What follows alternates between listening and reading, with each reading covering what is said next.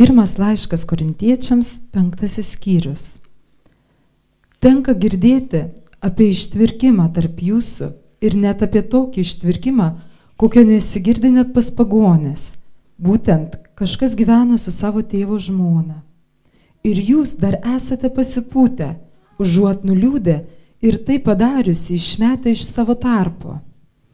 Aš, nebūdamas pas jūs kūnu, tačiau būdamas dvasia, jau nutisiau tą nusikaltimą padariusi, lik būdamas tarp jūsų.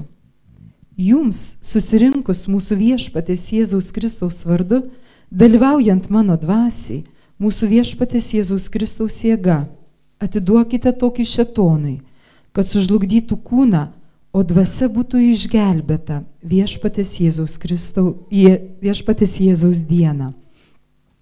Mūsų girimasis niekam tikęs. Argi nežinote, jog truputis raugos suraugina visą maišymą? Todėl išmeskite seną įraugą, kad taptumėte naujų maišymų. Jūs juk esate nerauginti, nes jau paskirstas mūsų paskos savinėlis Kristus. Tad šveskime šventes ne su senu raugu, ne su blogybės ir nusikaltimo raugu, bet su nerauginta tyrumo ir tiesos duona. Jums rašiau savo laiške, kad nebendrautumėte su ištvirkeliais. Suprantama, ne su visais šio pasaulio ištvirkeliais, gaupšais, plėšikais ar stabmeldžiais, nes tada reikėtų pasitraukti iš šio pasaulio. Bet jums rašiau, kad nebendrautumėte su tuo, kuris vadinasi brolis, o yra ištvirkelis, gopšas, stabmeldys, keikūnas, girtuoklis ar plėšikas. Su tokiu net nevalgykite kartu. Ką man teisti svetimus? Argi ir jūs nesavuosius teisėte? Tuos, kurie ne mūsiškiai, Dievas teis. Todėl pašalinkite piktadarį iš savo pačių tarpo. Tai buvo Dievo žodas.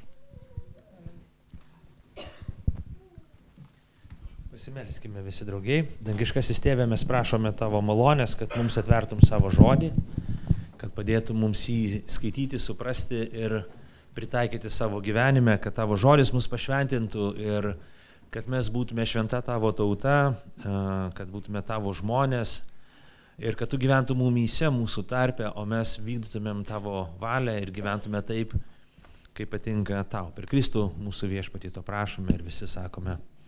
Amen. Prisėskime.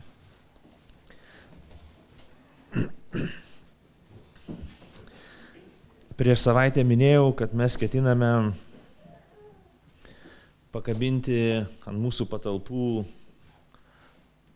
plakatus, kurie pasakotų, liūdytų apie tai, kokia, kokia yra Evangelijos žinia. Ir e, mes praeitą savaitę, ketvirtadienį, pakabinome tokius tuos plakatus, kuriuos buvome atspausdinę, e, Rūta ten padarė jų dizainą, tokį apipavydalinimą, o kartu su Liūda ir Eglė besidarbuodami mes pakabinome, nuplovėme langus, kad matytųsi per juos vaizdas ir džiaugiamės pirmaisiais žmonėmis, kurie sustodavo, žiūrėdavo, kas čia yra, galbūt kažkurie kaimynai jau buvo girdėję, kad kažkas čia įsigijo, kažką čia padarė, nes stovi plakatas, kuris apšviestas drąsinantis pasitikėti Dievu ir melstis už Ukrainą karo perspektyvui. Taigi čia naujas dalykas, mums dar, be, dar be kabinant, dar ten betvarkant paskutinius dalykus, jau sustodavo žmonės, pasižiūrėdavo, kas yra. Vakare važiavome e, namo, dargi pasižiūrėjome, ar viskas ten matosi nuo gatvės, pakankamai gerai ir iš toli matosi vaizdas. Ir vėlgi matėm stoviniuojantį asmenį, kuris žiūrėjo, galvoja, pakraipė galvą ir nuėjo. Taigi e, mūsų malda ir traškimas, kad, e, kad visa tai pasitarnautų Dievo garbiai, kad pastatas pats pasitarnautų Dievo garbiai išloviai, kad veiklomis, kuriomis, kurios ten bus mūsų gyvenimu, ten kaip bendruomenės, dienos centro veikla, kitomis veiklomis, kad tas pastatas pasitarnautų bendruomeniai. Ir lygiai taip pat, kad net nieko neveikiant, pastatas pats drąsintų žmonės tikėti Kristų, liūdytų Evangelijos žinę ir tokiu būdu išpildytų savo misiją. Vieną dieną aš gal minėjau apie tai, kad važiuojant į vieną sustikimą pastate, aš važiavau per Tulpių mikrorajoną ir, ir vienas tėtis vedė mažą mergaitę. Ir aš sustojau praleisti, tai buvo ankstyvas pakankamai rytas. Ir, o, galvoju, mes atvykstame į šitą mikrorajoną tarnauti tiems žmonėms ir niekada nebūčiau pagalvojęs apie tai, kad aš galėčiau tarnauti kažkam nepažįstamiem žmonėm, visiškai man neartimiems, visiškai tolimiems, bet Evangelija mus moko, kad mes pašaukti tarnauti žmonėms, pašaukti daryti gerą kitiems, taip kaip kad Kristus mums padarė gerą. Puiku. Jau. Santūrus, santūri reakcija, bet mes lietuviai visai, kai aišku, santūriai reaguojam. Mes nesantūriai reaguojam tik per laidotuvės, bet nu ir tai neblogai. Jau įpratęs, aš 44 metus gyvenu Lietuvoje, tai jau šiek tiek ir pripratęs prie mūsų santūrios reakcijos. Gerai, taigi grįžkim prie laiško korintiečiams. A, toks neįtikėtinas tekstas, kurį mes šiandien a, e, skaitėme. Pirmas laiškas korintiečiam, penktas skyrius, visą jį bandysime peržiūrėti. Taigi žiūrėkime, mes dažnai girdim tą e, krikščionių, tokių, kurie atsiverčia į Kristų ir sako, o aš labai norėčiau pamatyti pirmąją bažnyčią. Taip, kaip gyveno pirmoji bažnyčia, kokie stebuklai vyko. Man nori pamatyti Kristų, labai norėčiau pamatyti Kristų. Norėčiau pamatyti apaštalus, regėti stebuklus, kuriuos jie ir Kristus darė. Norėčiau pamatyti tą radikalų dosnumą, kuris buvo, pavyzdžiui, Jeruzalėje, kai žmonės pardavo savo turtą, dalindavo vargšams, tokojantiems, arba tą radikalų dosnumą, kuris buvo Filipose, kai žmonės netgi būdami skurde, stokodami, jie aukojo stokojantiems Jeruzalės gyventojams. Ir štai mes turim tokį tekstą, kurį skaitom pirmame laiške korintiečiam penktame skyriuje turime Korintą. Korinto bažnyčia, pirm, pirmo amžiaus bažnyčia, apaštališka bažnyčia, kuris susiduria su tokiom netikėtinom problemom. Taigi, aš tai pavadinau atvejais Korintė. Mes psichologai, socialiniai darbuotojai naudojam tokį žodį atvejais kad mūsų psichika atlaikytų tą visą įtampą ir stresą dėl to, ką mes ant patiriam, gilindamėsi į kažkokias sėtingas situacijas, mes paprastai vadinam tai atvejais. Nuosmeninam šiek tiek, kad ne, nu, vadinkim, ne, ne, neperkaistų galva ir širdis ir vadinam atvejais.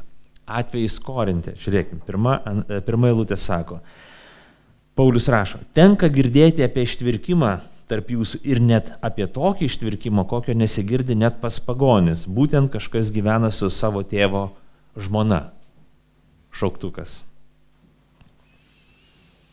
Neįtikėtina, mes nežinom detalių, su kuo tas žmogus galėjo gyventi. Mes nežinom tiksliai, ar tai buvo jo biologinė motina, ar tai buvo jo pamotė, kas dažniausiai laikosi tokios nuomonės, kad tai buvo pamotė jo, tai reiškia tėvo žmona, Mes nežinom, ar tėvas gyvas, ar tėvas miręs, ar tėvas išsiskyręs, tos aplinkybės mums visai nėra žinomos.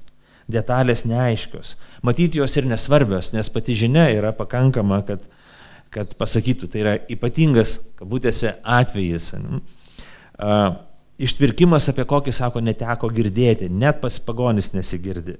Tokia moralinė sugėdimo viršūnė, kuri kur reiškiasi bažnyčiui. Žydų tarpe taip nevyko. Tų, kurie turėjo įstatymą, tų, kurie turėjo šventyklą, tų, kurie turėjo sąžinę ir taip toliau. Pagonys, kurie neturėjo įstatymų, pagonių tarpe, kurie neturėjo įstatymų, neturėjo tradicijos, neturėjo Dievo, tarnavo savo stabams ir širdies įgydžiams, nebuvo girdėti tokių dalykų. Bet štai tai praktikuojama ir tai girdima krikščionių bažnyčiai netikėtinas reikalas, apaštalas Paulius sako. Šiandien gali būti, kad mes net nenusteptam, sakytum, o kas čia tokio, nes jeigu jūs skaitom spaudą, tai galima būtų privardinti dalykų tokių, apie kuriuos apaštalas Paulius net nebūtų susvajojęs pagalvoti. Gal ir nereikia mums tos svajonės arba fantazijos ir, ir vystyti daugiau. Ap, apaštalas Paulius netiek jaudinasi, ką daro nekrikščionis. Jam labai svarbu ir rūpi, ką daro krikščionis. Kodėl krikščionis? taip neteisingai interpretuoja ir paaiškina malonę, malonės evangeliją, Kristaus atleidimą ir taip netinkamai tvarkosi su savo gyvenimu. Pauliui nerūpi nekrikščionis. Pauliui tam tikrą prasme, sakykime, jis neteisė, jų nevertina. Žiūrėkit, 12-13 eilutė sako, ką man teisti svetimus? Argi ir jūs nesavuosius teisėte, tuos, kurie nemusiškai Dievas teis. Todėl pašalinkite piktadarį iš savo pačių tarpo. Paulius sako, mes neturim būti susirūpinę ir jaudintis, kaip ten padarė vienas nekrikščionis, kitas nekrikščionis ar trečias nekrikščionis. Dievas teisėjas ir mums nereikia rūpintis. Sako, man labai svarbu, kad pati bažnyčia, tikintieji, tie, kurie išpažino Jėzų Kristų, savo viešpačių ir gelbėtų, jie gyventų šventai, taip, kaip moko Evangelija. Ir, ir čia Paulius panaudoja, kalba, ta, naudoja žodį ištvirkimas. Uh, žiūrėkit, pirmą eilutę sako, Du kartus paminė tą žodį. Tenka girdėti apie ištvirkimą tarp jūsų ir net apie tokį ištvirkimą, kokio nesigirdi net pas pagonis. Devinta eilutė. Jums rašiau savo laiške, kad nebendrautumėte su ištvirkeliais. Suprantama toliau. Ne su, viso, ne su visais šio pasaulio ištvirkeliais. Gopšais bla bla bla bla bla bla bla. Ir vienuolikta eilutė. Bet jums rašiau, kad nebendrautumėte su tuo, kuris vadinasi brolis, o yra ištvirkelis. Ir taip toliau. Penkis kartus apaštalas Paulius šitame skyriuje pamini žodį ištvirkelis. Ir aš manau, reikia apsibriežti savokas, ką tai reiškia. Pats ištvirkimas naudojamas žodis ir vis, vis, vis, vis, visą laiką šitame tekste naudojamas žodis pornėja. Graikiškas žodis, tai reiškia paleistuvystės, anguliavimas, ištvirkimas. E, porn, pornė e, būdavo vadinama prostitutė. Iš šio žodžio, aišku, kyla žodis pornografija ištvirkimo vaizdas, atvaizdas. Krikščionybė moko, krikščionybė skelbė, kad ištvirkimas bet kokios formos yra nuodėmė, bet seksualinė, nu, bet, bet koks seksualinis, seksualinis amoralumas yra nuodėmė. Uh, tai yra seksualinis nesusilaikimas ir santykiai iki santokos yra nuodėmė, O santokoje, jeigu žmogus gyvena, tai seksualiniai veiksmai už jos ribų yra nuodėmė. Krikščionybė labai aiškiai moko gyvenimo būdo, kad, kad jeigu mes esam Kristuje, jeigu mes esam krikščionys, kurie patikėjome Jėzų Kristų, mes esame atpirkti iš pagoniško, tai yra nekrikščioniško gyvenimo būdo, kai galime praktikuoti savo seksualumą taip, kaip mums šauna į galvą, taip, kaip mums ateina kokia bet kokia mintis nes tai yra nuodėminga. Mums, mes esame pašaukti, jeigu mes nesame santokoje, susilaikyti nuo seksualinių santykių, praktikuoti seksualinius santykius tik šeimoje ir jų nepraktikuoti už santokos ribų. Norėčiau, kad mes pasižiūrėtumėm į dvi rašto vietas. Paštalas Paulius panašiai moko uh, laiške Efeziečiam penktas skyrius ir paskui laiške Kolosiečiams. Uh,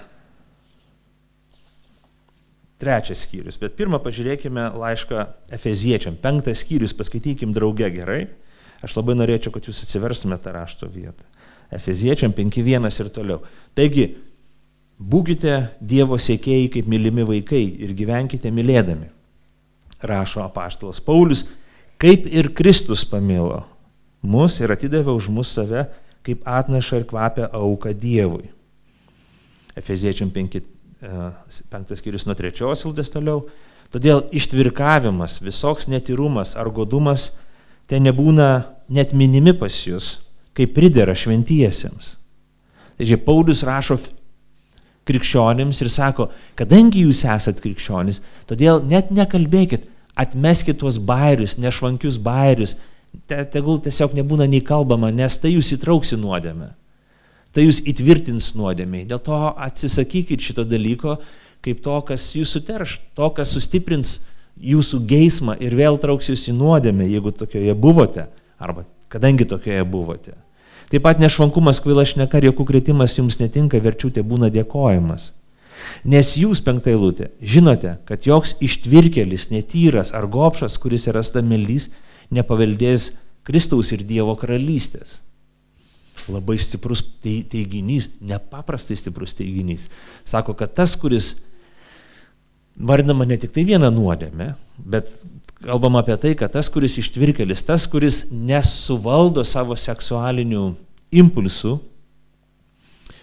Lygiai taip pat kaip ir gopšuolis, kuris yra stabmelys, reiškia jisai laiko mamoną savo dievu, ne, ne dievą savo dievu, nepaveldės Kristaus karalystės. Jis neturi dalies su Dievu.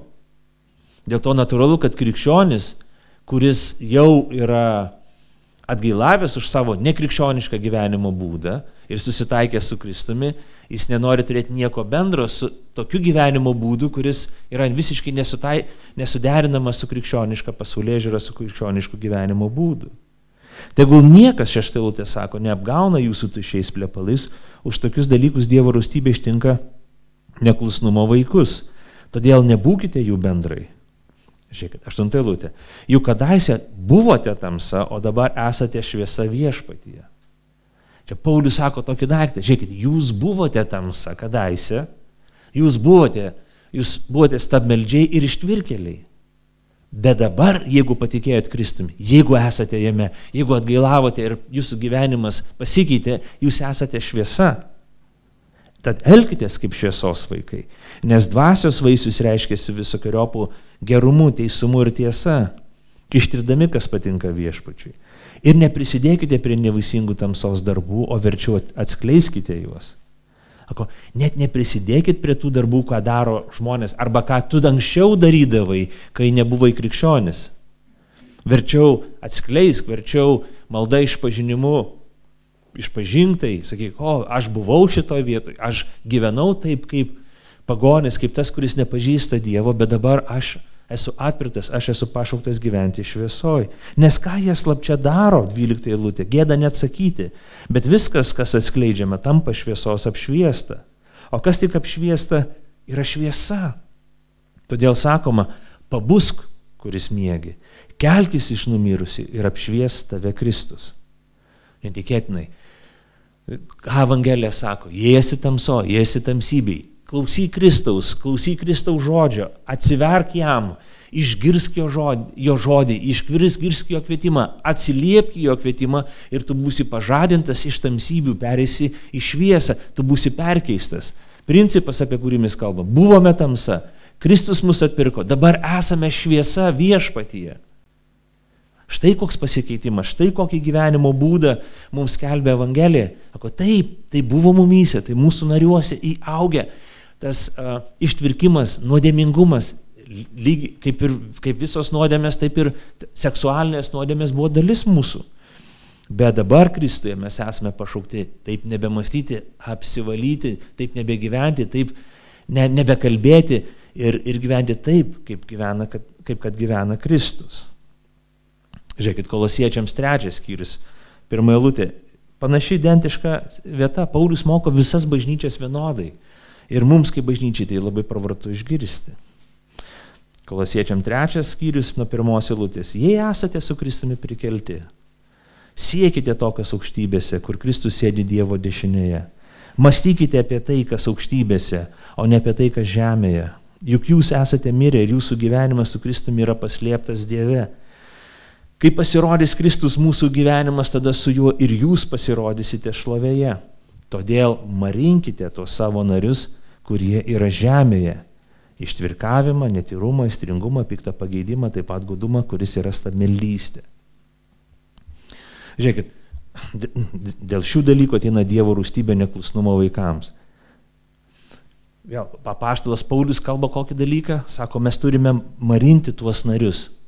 Net jeigu mes esam krikščionys, greičiausiai mumyse yra tie nariai, yra tas, ta, ta nuodėminga prigimtis, kuri nori mums kuždėti, kuri, kuri mums kalba, kuri kreipia mūsų žvilgsnį, kuri skatina mus tam tikriems veiksmams. Ir Paulius sako, kad mes tuos, tuos impulsus, neteisingų, neteisingus seksualinius impulsus turime pagauti, turime juos pastebėti, turime juos marinti.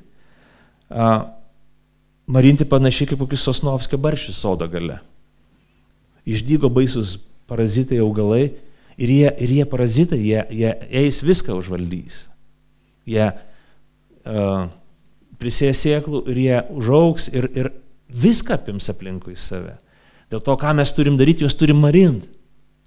Kaip kokias kengsmingas pikžalės darže, mes turime jas marinti, raut su šaknim. Nes jie kai tik dyksta, kai tik tai pasireiškia, jie mes turim juos įveikti. Ne tik tai lapelius nuskabyti, ne tik sakyti, nu yra, nu ką čia darysi toks gyvenimas, būkim tolerantiški. O, fainai. Tu neturėsi jokių pupelių, šparaginių, nei kitokių neturėsi, jokios morkos neužaugs, bulvės, pagalvok lietuvių, bulvės neužaugs. Jokių nebus vaisių, jeigu užleisi šitiem parazitiniam augalam klestėti. Lygiai taip pat šita nuodėmė, jinai užvaldys viską. Ir Paulius sako, marinkim šituos narius. Ne tik ištvirkimą, daugelį kitų dalykų, bet ištvirkimas yra jų tarpe. Septinta eilutė sako, jūs irgi kadaise taip elgėtės gyvendami tarp jų. E, Paulius vėl tą patį primena, sako, jūsgi taip pat gyvenot. Į prieš tai, kol nepažinot, bet dabar visą tai nusivilkite rūstybę, nirtulį, nelabumą, pyktį, pikžarėm, nešvarias kalbas nuo savo lūpų. Nebemeluokite vienas kitam, nusivilkite seną žmogų su jo darbais ir apsivilkė nauju, kuris atnaujinimas pažinimu pagal atvaizdą, kurį jis sukūrė. Taigi, Paulius sako, kad mes turime nu, nusirengti seną žmogų, tai kaip rūbą nusirengti seną žmogų. Ta, tą gyvenimo būdą, tą gyvenimo stilių mes turim nusimesti, kaip, kaip mums primesta ne mūsų tapatybė, kaip skarmalus, kuriuos mums uždėjo mūsų priešas, mes turime nusimesti juos ir apsirengti Kristumi, mąstyti kaip Kristus, žavėtis Kristumi, žvelgti į jį, nes jis mus pašaukė kitokiam gyvenimo būdui. Ir kai mes žiūrime į jį, kai mes mąstome apie jį, kai mes melžiamės jam, kai mes šloviname jo vardą, kai mes tapatiname su juo, kai mes puoselėm krikščionišką tapatybę, šitie visi senieji kūno nariai, yra marinami Senasis žmogus yra nusirengiamas ir mes savo tapatybę, tvirtinam savo tapatybę Kristuje, mes tvirtinam kitus naujus krikščioniškus gyvenimo įpročius. Taigi, apaštalo logika paprasta, buvome tamsa, Kristus atpirko, esame šviesa. Žiūrėkim, tas pats laiškas korintiečiam 6.11 sako, kai kurie iš jūsų tokie buvote, kalba apie nuodėmės, apie tai pakalbėsim kitus sekmadienius, bet dabar esate nuplauti, pašventinti, išteisinti viešpaties Jėzaus Kristaus vardu ir mūsų Dievo dvasia. Kaip stipru. Paulius sako, tai buvome, jūs buvote tokie, mes buvome tokie, mes darėm tas nuodėmės, bet Kristus ir atėjo į mūsų gyvenimą, kad tos nuodėmės nebeliktų mūsų gyvenime. Ne tam, kad mes gyventumėm toliau savo nuodėmėse ir būtų dar Kristus plus. Ne, taip negali būti, nes jeigu jis atėjo, nuodėmių nebegali likti, nes jisai, jis atėjo tą nuodėmę sunaikinti. Apaštalas Paulius, kaip jau, kaip jau ir minėjau, žiūrėkit, visą laiką centre deda Jėzų Kristų kaip pavyzdį. Tuose pamokymuose, Efeziečiams, Kolosiečiams ir tame pačiame mūsų e, pirmo laiško korintiečiam penktos skyrius centre įrašy yra Jėzus Kristus jo darbas.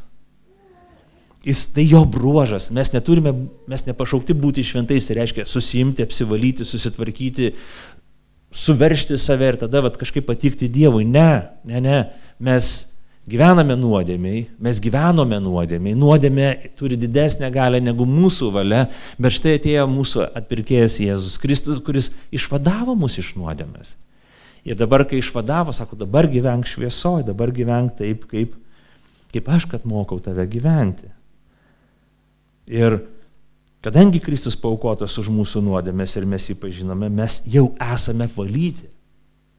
Jeigu mes suklupėm prieš Kristų, mes išpažinom, kad tu viešpats, tu atpirkėjas, tu mirė ant kryžius už mano nuodėmės. Tas tikėjimas apvalo mūsų nuodėmės. Bet lygiai taip pat mes gauname pašaukimą gyventi taip, kaip jis, kad gyveno, gyventi šventai. Ir žiūrėkit, Paulius naudoja tą tokią metaforą, Seno testamento metaforą šeštojo lūtėje. Argi nežinote, jog truputis raugo suraugina visą maišymą. Pirmas korintiečiam, penktas skyrius, dabar jau septinta eilutė. Todėl išmeskite seną į raugą, kad taptumėte naujų maišymų. Jūs juk esate nerauginti, nes jau paskirstas mūsų paskos avinėlis Kristus. Tad šveskime šventės ne su senu raugu, ne su blogybės ir nusikaltimo raugu, bet su nerauginta tyrumo ir tiesos duona. Taigi Jėzus naudoja Seno testamento įvaizdį - Paskos šventę. Ir žydai visą laiką valgydavo rūgintą duoną.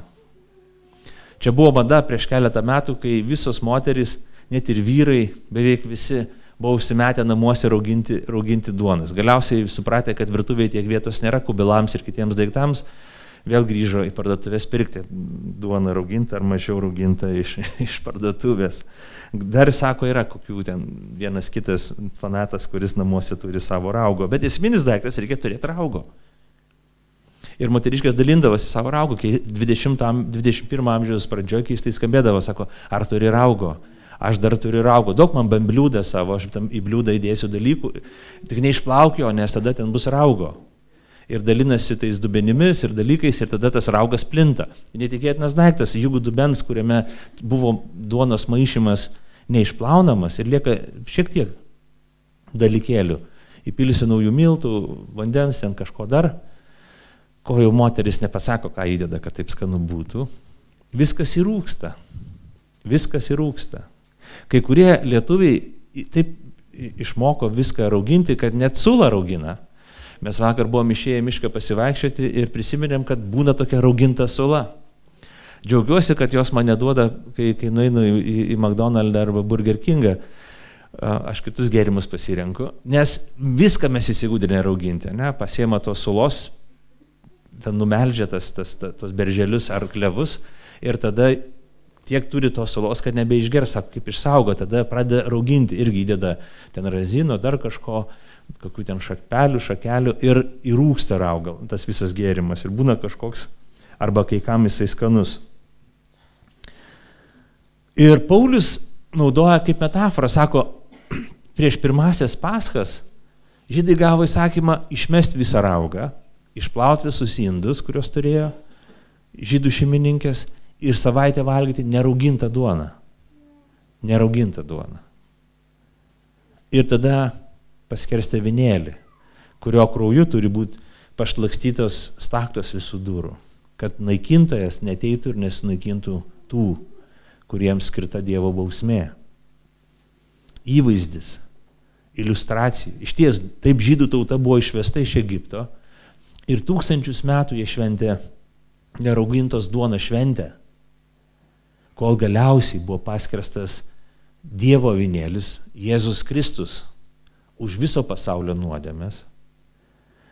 Ir tada Paulius sako, žiūrėkit, Jėzus, kai yra švenčiamas, jis atneša naują duoną, bet duona be raugo, duona be nuodėmės, duona, kuri apvalyta, apvalyta apiplovimu, kaip moteris apiplaudavo indus, panaudoja raugą, kad juose nebebūtų daugiau raugo likučių.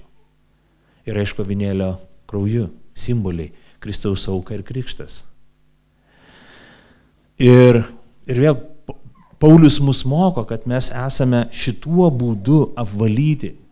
Jėzus Kristus mus apvalė, kad mes būtumėm kaip duona be raugo. Mes pašaukti būti nerauginti, mes pašaukti būti, tarytum, išimti šio pasaulio. Šitas pasaulis kaip kokia įrūgusi puodynė, kurioje rūksta, visi turi, visi persmelti nuodėmės. Ir mes čia gyvenom. Ir mes čia buvom. Ir mums ta terpė suprantama. Mums tas kvapas netgi patinka. Mums ta būsena atpažįstama. Ir lengvai mes grįžtam į ją. Bet viešpas mus pašaukė iš šito pasaulio. Jis paėmė mus ir sako, aš noriu jūs apvalyti apvalo mus savo krauju, apvalo krikšto išpažinimu ir vandeniu ir sako, dabar jūs pašaukti būti tyri ir teisūs, jūs esat pašaukti būti tyri ir gyventi tiesoje. Taigi žiūrėkim, per nuopolį visos žmogaus gyvenimo sritis buvo pavergtos nuodė. Visos. Visa, kas yra žmogaus gyvenimo raiška, visa tai, kas mes esame, buvo pavirkta, yra pavirkta nuodėmės. Seksualinis dėmuo lygiai taip pat nuodėmės pažeistas. Dievas mūsų kūrė seksualinėmis būtybėmis, bet nuodėmė atėjo iškraipė šitą dalyką. Ir mes pradėjome ir seksualiniai srity visiškai būti pavergti tamsos. Bet Jėzus atėjo išvaduoti mus iš visų nuodėmių, lygiai taip pat ir iš seksualinių nuodėmių. Dėl to krikščionis yra pašaukti žiūrėti į Kristų ir kaip kad Kristus yra tyras. Taip ir krikščionis pašaukti būti tyri. Krikščionis turi gilų įsitikinimą, biblinį įsitikinimą, kad Jėzus Kristus gyveno skaistų gyvenimo būdą. Ir krikščionis yra pašaukti, kol jie nėra santokai, gyventi skaistų gyvenimo būdą. Susilaikyti nuo seksualinių santykių. Nebūti stimuliuojančiai aplinkoje, seksualiai stimuliuojančiai aplinkoje. Negyventi taip, kaip gyvena šio pasaulio žmonės, kurie nepažįsta Dievo. Tie, kurie gyvena santokoje, jų seksualumas turi būti apribotas čia, nes tai toks Dievo sumanimas ir planas. Taigi, kaip Kristus, kad, kad gyveno tyrai ir yra tyras, taip ir bažnyčia pašaukta gyventi tyrai ir būti tyra. Kaip kad Kristus liudijo tiesą, taip ir mes pašaukti liūdyti tiesą, bet prieš tai turime ją pamilti, turime ją apglėpti, turime ją priimti ir gyventi toj tiesoj kad liūdytumėm tiesą. Taigi, jei pamilom Kristų, jei pažinom jį, jei patyrėm jo pašaukimą, jis mus kviečia į tą tikrą mūsų tapatybę, būti tyrais ir gyventi tiesoje. Dėl to jis mirė ant kryžiaus, kad patikėję juo mes būtumėm perkeisti ir suformuoti šį atvaizdą. Žiūrėkim, krikščionis yra ne tik tas, kuris žino apie Kristų, ne tik tas, kuris žino, kur bažnyčia, skaitė šventą raštą, tas, kuris uh, turėjęs kažkokių patyrimų savo gyvenime, laimės kūdikis, Dievas jam padėjo ir taip toliau. Ne. Ir ne tik Kristaus išpažinėjas, kuris sako, taip, taip, aš krikščionis. Ne. Bet Kristaus sėkėjas, trokštantis būti toks, koks jis yra. Augantis tuo pažinimu. Kuo mes labiau pažįstame Kristų, tuo mes labiau panašėjame į jį. Tuo šventesni tampame, tuo tyresni tampame, tuo labiau mes gyvename tiesoje. Apaštalas Paulius sureaguoja itin karštai, itin karštai sureaguoja į tokį atvejį, kuris nutiko e, Korinto bažnyčiai. Apaštalai Pauliu, kodėl tu toks nesusivaldantis? Žiūrėkit, antrą eilutę paskaitysiu. Ir jūs dar esat pasipūtę, užuot nuliūdę ir tai padarius išmetę iš savo tarpo. Aš nebūdamas pas jūs kūnų, tačiau būdamas dvasia jau nuteisiau tą nusikaltimą padariusi lyg būdamas tarp jūsų. Jums susirinkus mūsų viešpaties Jėzaus Kristaus vardu, dalyvaujant mano dvasiai, mūsų viešpaties Jėzaus Kristaus jėga, atiduokite tokį šetonui, kas užludytų kūną o dvasia būtų išgelbėta viešpaties Jėzaus dieną.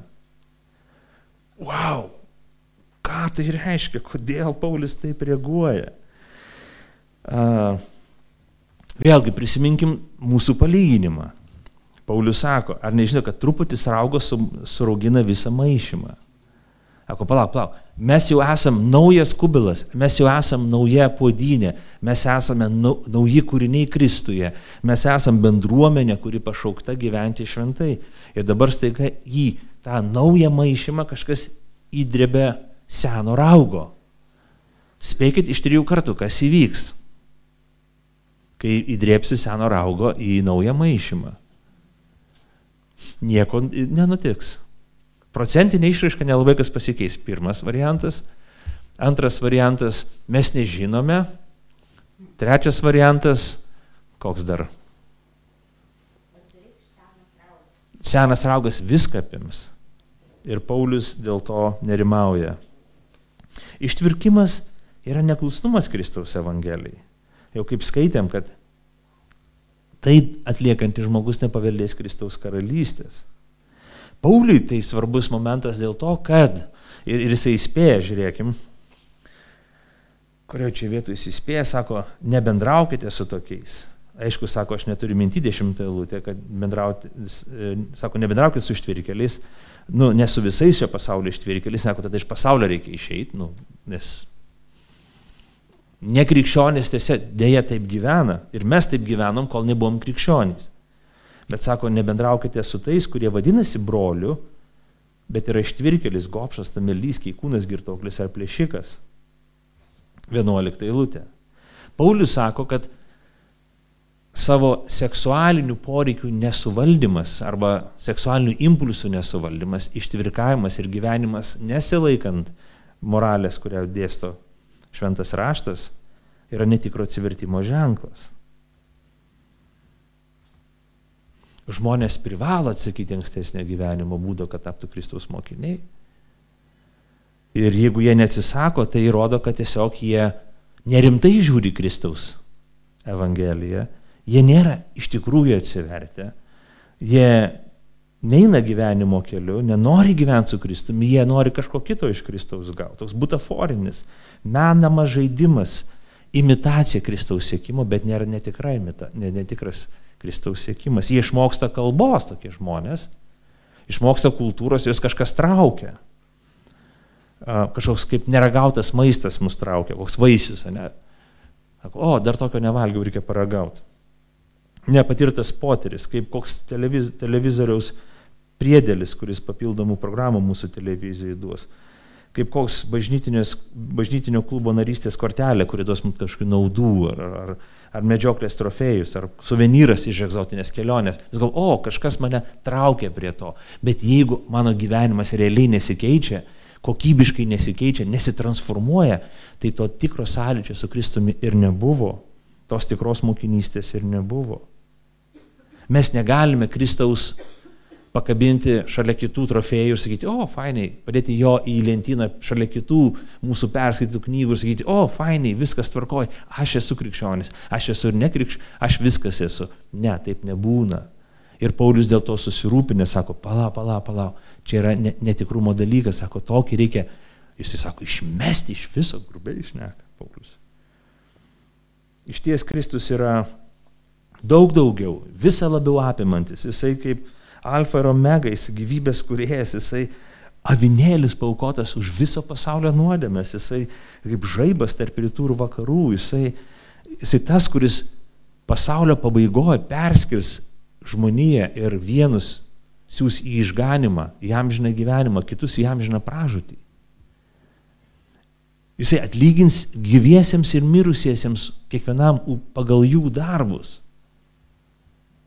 Ir jeigu mes tos tikrovės nesuprantam, nesuvokiam, jeigu mes to nepriimam, mes nesame atgimę iš aukštybių. Ir ypatingai, jeigu tai neatsispindi mūsų gyvenimo būdė, nes tai turi, turi atsispindėti, aidu atsispindėti mūsų gyvenime. Žiūrėkit, nuodėme ir santykis su jie, bei Kristus ir santykis su juo apspręs, kas bus tavo ir mano gyvenime ir kas bus amžinybėje.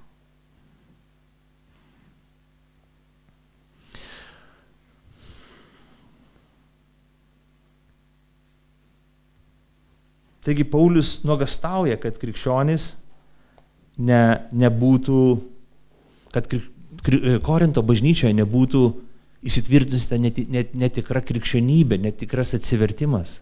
Kita vertus, kad kaip raugas jisai ne, neapimtų daugelio, kad ne, kiti žmonės nepradėtų mąstyti, o, taip galima gyventi, taip reikia gyventi, tai yra norma, mes galim gyventi taip, kaip norim. Kristus mirė, malonė, malonė, mes visi cool, faini, geri, mes vienas kitam nepriekaištaujam ir taip toliau. Paulius sako, jūs dar esat pasipūtę tok, tokį elgesį propaguodami. Ir tada įsimasi tos sunkiausias krikščioniško disciplinavimo priemonės, atskirdamas žmogų nuo krikščioniškos bažnyčios. Taip aš interpretuočiau šitą rašto vietą, kai sako, kad a, Jums susirinkus ketvirtą eilutę mūsų viešpaties Jėzaus Kristaus vardu, dalyvaujant mano dvasiai, mūsų viešpaties Jėzaus Kristaus jėga, atiduokite tokį šetonui, kad sužlaitų kūną, o dvasia būtų išgelbėta viešpaties Jėzaus dieną. Prisimenam, Jėzus Mato Evangelijos 18 skyriuje yra sakęs, kaip mes turim disciplinuoti vieni kitus bažnyčioje. Vienas ant vieno, jei matom netinkamą elgesį, mes sakom vienas kitam, sakom, hmm, štai matau kažkokį dalyką, man atrodo, kad tai nedėra su krikščionišku elgesiu. Ir, ir kalbam šviesoj, atvir, atvirai, mylėdami vienas kitą, pasiaukodami vienas dėl kito, norėdami uh, tikro pokyčio vienas kito gyvenime. Ir jeigu žmogus atgilauja, viskas tvarkojam, čia baigiam. Bet jeigu net gilaujame, sako, o pasikviesiu du, tris brolius ir sesės ir mes tą kalbėsimės ir norim tau tikrai tikinti, kad palauk, čia kažkas negerai tavo gyvenime, nes krikščionybė taip nemoko, tu taip negali elgtis. Jeigu esi krikščionis, gal tau reikia mūsų pagalbos. Jeigu nepaklauso ir šitų, tada sako, yra bažnyčia. Ir jeigu nepaklauso jo, sako, tai tada būna jie tau kaip muitininkas ir nusidėlis. Viskas. Tu turi, jūs turite atskirti tokį, jūs turite atsiriboti nuo jo. Ir, ir tuometiniam žmonėm atskirimo žmogaus nuo krikščioniškos bendruomenės reiškia jį atiduoti šetono pasaulį. Krikščionybė duoda tą, tą supratimą mums, kad uh, Jėzus sako, aš statau savo bažnyčią, kurios pragaro vartai nenugalės. Aš statau savo surinkimą, savo bendruomenę, savo šeimą, savo karalystę. Ir čia bus ypatinga Dievo apsauga tiems, kurie, kurie jai priklauso. Bet jeigu tu neklausai, nepaklūsti Kristui, jeigu tu neklausai jo žodžio, neklausai brolio ir sesers, bažnyčia sako, ne, ne, mes nebegalim tavęs laikyti, tu esi nusidėlis, dėl to mes tave ištumam. Sakom, tu esi ten, kur šio pasaulio kunigaikštis viešpatauja ir tave disciplinuojam ir leidžiam, kad tavo kūnas būtų sužlugdytas. Nelabai aišku, ką čia turi minty. Ne vienas komentatorius sako, kad čia labai panašiai skamba kaip su ta istorija, kuri vyksta Jobo knygoj, kai Dievas kalbasi su pasitarime, dangiškam pasitarime ir ateina Velnes ir pradeda kalbėti apie Jobą. Dievas pradeda kalbėti apie Jobą, Velnes sako, ne, Jobas tik tai paviršim tiki tavim, bet šiaip tai iš principo dėl pinigų, dėl gerovės, dėl sveikatos būna labai pamaldus. Bet sako, atimk pinigus, atim sveikatą ir jis tau špygą suries. Ir tada Dievas leidžia šetonui turėti valdžią virš Jobo, išskyrus gyvybę. Ir staiga destrukcija ateina Jobo gyvenimą, viskas netenka. Netenka turto, šeimos, sveikatos. Kai kas sako, kad tas pareiškimas labai panašus Pauliaus pareiškimas, kad sakom, o, mes tada atsiribojom nuo tokio žmogaus, kuris sakosi, kad aš esu krikščionis, bet iš principo jisai visiškai nepaiso krikščionybės e, nurodymų, Kristaus mokymo ir taip toliau. Ir sakoma, žiūrėkime, kodėl taip daroma, kad kūnas sužlugdytų, o dvasia būtų išgelbėta viešpaties Jėzaus dieną. Pirmas korintiečiams 3.15 sako, mes, žiūrėkim, mes kalbėjom apie teismą, kad teismas viską iš, išgrynins ir ištirs. Ir sako, tie, kas neteisingai statė, jų visas gyvenimas bus sudegęs. Visas statinys, tai, ką jie darė, ką kūrė, bus sudegę, bet sako, jie patys bus išgelbėti kaip per ugnį. Tai žiūrėkit, Gali būti, kad tie žmonės išgelbėjimo nepraras. Gali būti, kad jų dvasia bus išgelbėta dėl to, kad jie buvo sudrausti, dėl to, kad jie patikėjo Kristumi ir Kristus gelbsti. Bet kūnas, visas tas gyvenimas, kurį jie gyveno, bus pasmerktas ir prarastas. Sudrausminimas jisai toks stiprus. Žiūrėkim, e, Paulius tai darė ir kitose vietose, skaitam 1 Timotėjai 1.20. Mes matome apaštalų darbų penktam skyriui, skaitome, kai atėjo Ananijas ir Safyra ir bandė apgauti apaštalą Petrą. Jie, pas, jie pardavė namą už 100 tūkstančių eurų ir pagalvojo, brač, jie, jie norėjo būti dosnus, jie norėjo, kad jų vardai būtų parašyti ant, ant auksinės lentelės bažnyčių, kad čia yra ypatingai dosnus žmonės, kurie kurie prisidėjo prie Demono 72 tvarkymo remontų. Jie norėjo, kad tokia lentelė būtų parašyta. Bet pagalvojo, šimtas tūkstančių, ai, per daug biški pinigų. Davai sakom, kad pardavėm už pedisoką. Ir mirk, mirk sumirksėjo ir sako, davai, čiūriką laikom, sakom, vis, visus atidavėm. Ir ateina Nanija ir e, Safyra ateina ir sako, jo, jo, sako, uh, ne, pirmą Nanijas ateina ir sako, mes čia pardavėm va pinigėlį, visi taip toliau. Petras sako, tu meluoji šventai dvasiai. Ne, ne, sako, ne, viskas gerai, už, už, už, už 50 pardavėm. Ir numirė. žinosi, kaip melo šventai dvasiai, sako Petras. Netikėtina istorija. Ateina žmona, jį išneša, ateina žmona, sako, už kiek pardavėt? Už šimtą, e, ne, už penkiasdešimt, už penkiasdešimt, sako jinai. Ai, už penkiasdešimt. Ir ta numerė. Neįtikėtina istorija, kaip vyko pirmo amžiaus bažnyčiai dalykai. Ar dar norite pirmą amžių nukeliauti? Ir būtos bažnyčios liudininkais. Įvykių. Neįtikėtina istorija. Paulius sako, šventai dvasiai dalyvaujant mes Mes nežaidžiam žaidimų. Kristui mirus ant kryžiaus, jam paukojus tokią kainą, mes nežaidžiam žaidimų. Dievas lygiai taip pat nežaidžia žaidimų. Ir to sielos išgelimas svarbiausias tikslas ir dalykas. Ir to mes nežaidžiam žaidimų šventą bažnyčią, nežaidžiam žaidimų šventas gyvenimas. Mes siekiam šito, mes trokštam šito, mes norim, mes žiūrime tai labai rimtai. Ko galim pasimokyti šitos rašto vietos?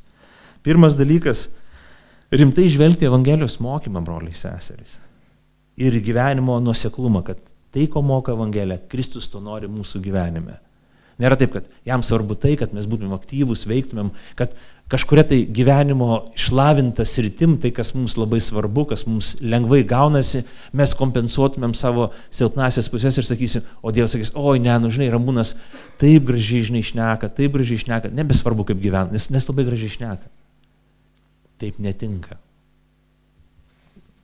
Viskas svarbu, viskas reikšminga. Dėl to augimas yra lėtas krikščionių bažnyčiai, krikščionių augimas. Pokyčiai yra rimti ir gilus. Mes nesam ne, bananmedis, kuris užauga ten per, per, per pusę metų, nukerta jį, kad pasimtų bananą ir pamiršta, nes tai žolė. Mes esam kaip pažolai, kurie nokstam ilgai, ilgai, ilgai. Viešpats nori, kad mes rimtai žiūrėtumėm į jo mokymą ir į gyvenimą. Buvome tamsa, taip, mes turim nepamiršti, kas mes buvom. Kristus mirė už mus, Kristus atpirko mus. Ir dabar esame, kas esame šviesa viešpatie. Todėl elkime taip, kaip viešpats nori, kad mes elgtumės. Elkime taip, kam viešpats mus ir atpirko.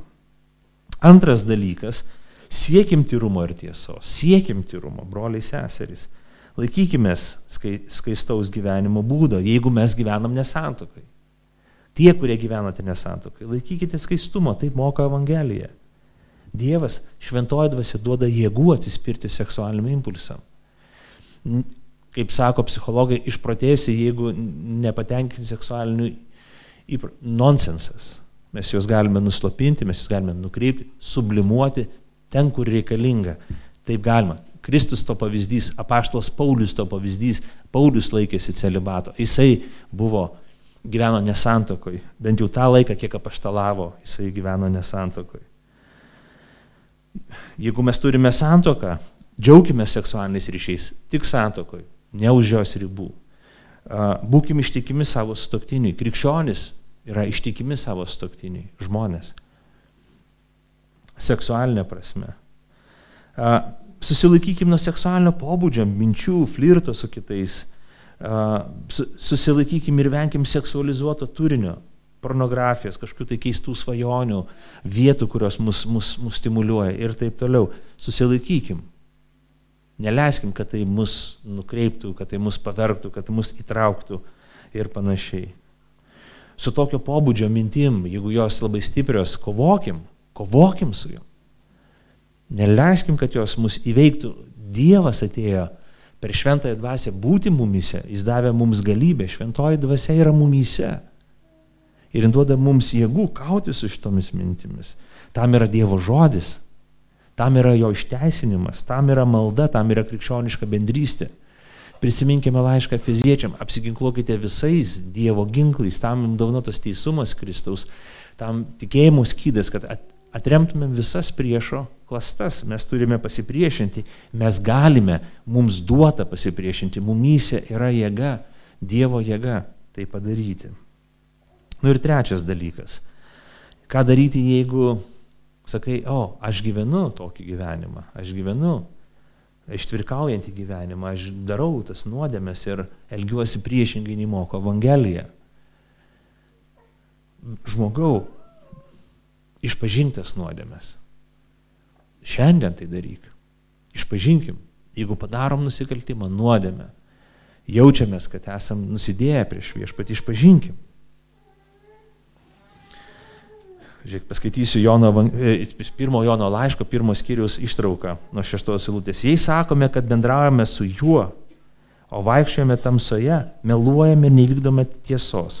O jei vaikščiojame šviesoje, kaip ir jis yra šviesoje, mes bendraujame vieni su kitais ir jo sunaus Jėzaus kraujas apvalo mus nuo visų nuodėmių. Jei sakome, kad neturime nuodėmės, klaidiname patį į save ir nėra mumise tiesos. Jeigu išpažįstame savo nuodėmės, jis ištikimas ir teisingas, kad atleistų mums nuodėmės ir apvalytų mus nuo visų nedarybių. Jei sakome, kad nesame nusidėję, darome jį melagiu ir nėra mumise jo žodžio. Bet žiūrėkime, jei išpažįstame savo nuodėmės, jis ištikimas ir teisingas, kad mums atleistų mums, mums nuodėmės ir apvalytų mus nuo visų nedarybių. Išpažinkim savo nuodėmės. Suklupkim prieš Kristų, nebūtinai tai turi būti regima. Sakyk, viešpatie Jėzu, atleis mano nuodėmės, atleis mano širdies pamastymus, atleis mano, mano įpročius, atleis mano priklausomybės. Apvalyk mane viešpatie Jėzu. Ir jisai valo. Kitas dalykas, kas svarbu, atgailauti. Atgaila tai daug, daugiau, daugiau negu tik išpažinimas, tai yra pasikeitimas, sprendimų prieimimas ir jų laikymasis, gyventi pagal Kristus mokymą. Taigi, žiūrėkit, išpažinkim, atgailaukim, padarykim čia ir dabar sprendimą. Viešpatie Jėzu, aš noriu gyventi kitaip. Duok man jėgų šventoji dvasia gyventi kitą gyvenimą. Aš noriu gyventi kitaip, aš noriu gyventi tyrume, noriu būti tyras, noriu siekti šventumo, noriu būti toks, koks esi tu. Viešpatie, nes tu mirėjai ant kryžius už mane. Aš noriu tos tapatybės, aš noriu pamatyti tame grožį, aš noriu pamatyti tame prasme, aš noriu pamatyti to kilnumo, aš noriu tai turėti savo gyvenime. Viešpatie Jėzau, duok man jėgų per šventą dvasę taip gyventi. Gyvenkim pagal Kristaus mokymą, praktikuokim tai, laikykime to. Jei nuslystame, jei, jei gundami esame, vėl grįžkime į tai ir tvirtinkim save kaip krikščionis, taip kaip moko šventą Evangeliją. Pakilkim maldai. Dangiškasis tėvė, mes dėkojam tau už tavo žodį, dėkojam už tavo uh, tiesų, labai aštrų, um, šiek tiek net šokiruojantį tavo žodį, kuris mus kviečia gyventi tyrą gyvenimą. Kaip kad tu viešpatė Jėzau uh, buvai paukotas kaip pavinėlis už viso pasaulio nuodėmės, kad atpirktų mus nuo betikslio, pražutingo, tamsaus gyvenimo būdo, tamsybių, kad mus atvestum į šviesą, kad mes valgytumėm tiesos ir tyrumo duoną, kad mes būtumėm tą tiesos ir tyrumo duoną šitam pasauliu. Tad viešpatie apvalyk mus, išpažįstam savo nuodėmės tie, kas esame jas padarę. Meldžiame sustiprinti mūsų apsisprendimą ir ryštą sekti paskui tave ir eiti paskui tave, gyventi taip, kaip moko Evangelija, būti tyrais ir gyventi tiesoj duok mums jėgų kasdienybei atsispirti pagundimams, impulsams ir būti šviesa, saugoti tavo paslapti savo širdį ir te ta širdis vis tyrėja, šventėja ir panašėja į tave. Prašom tavo malonės ir tavo veikimo per mūsų viešpatį Jėzų Kristų. Amen.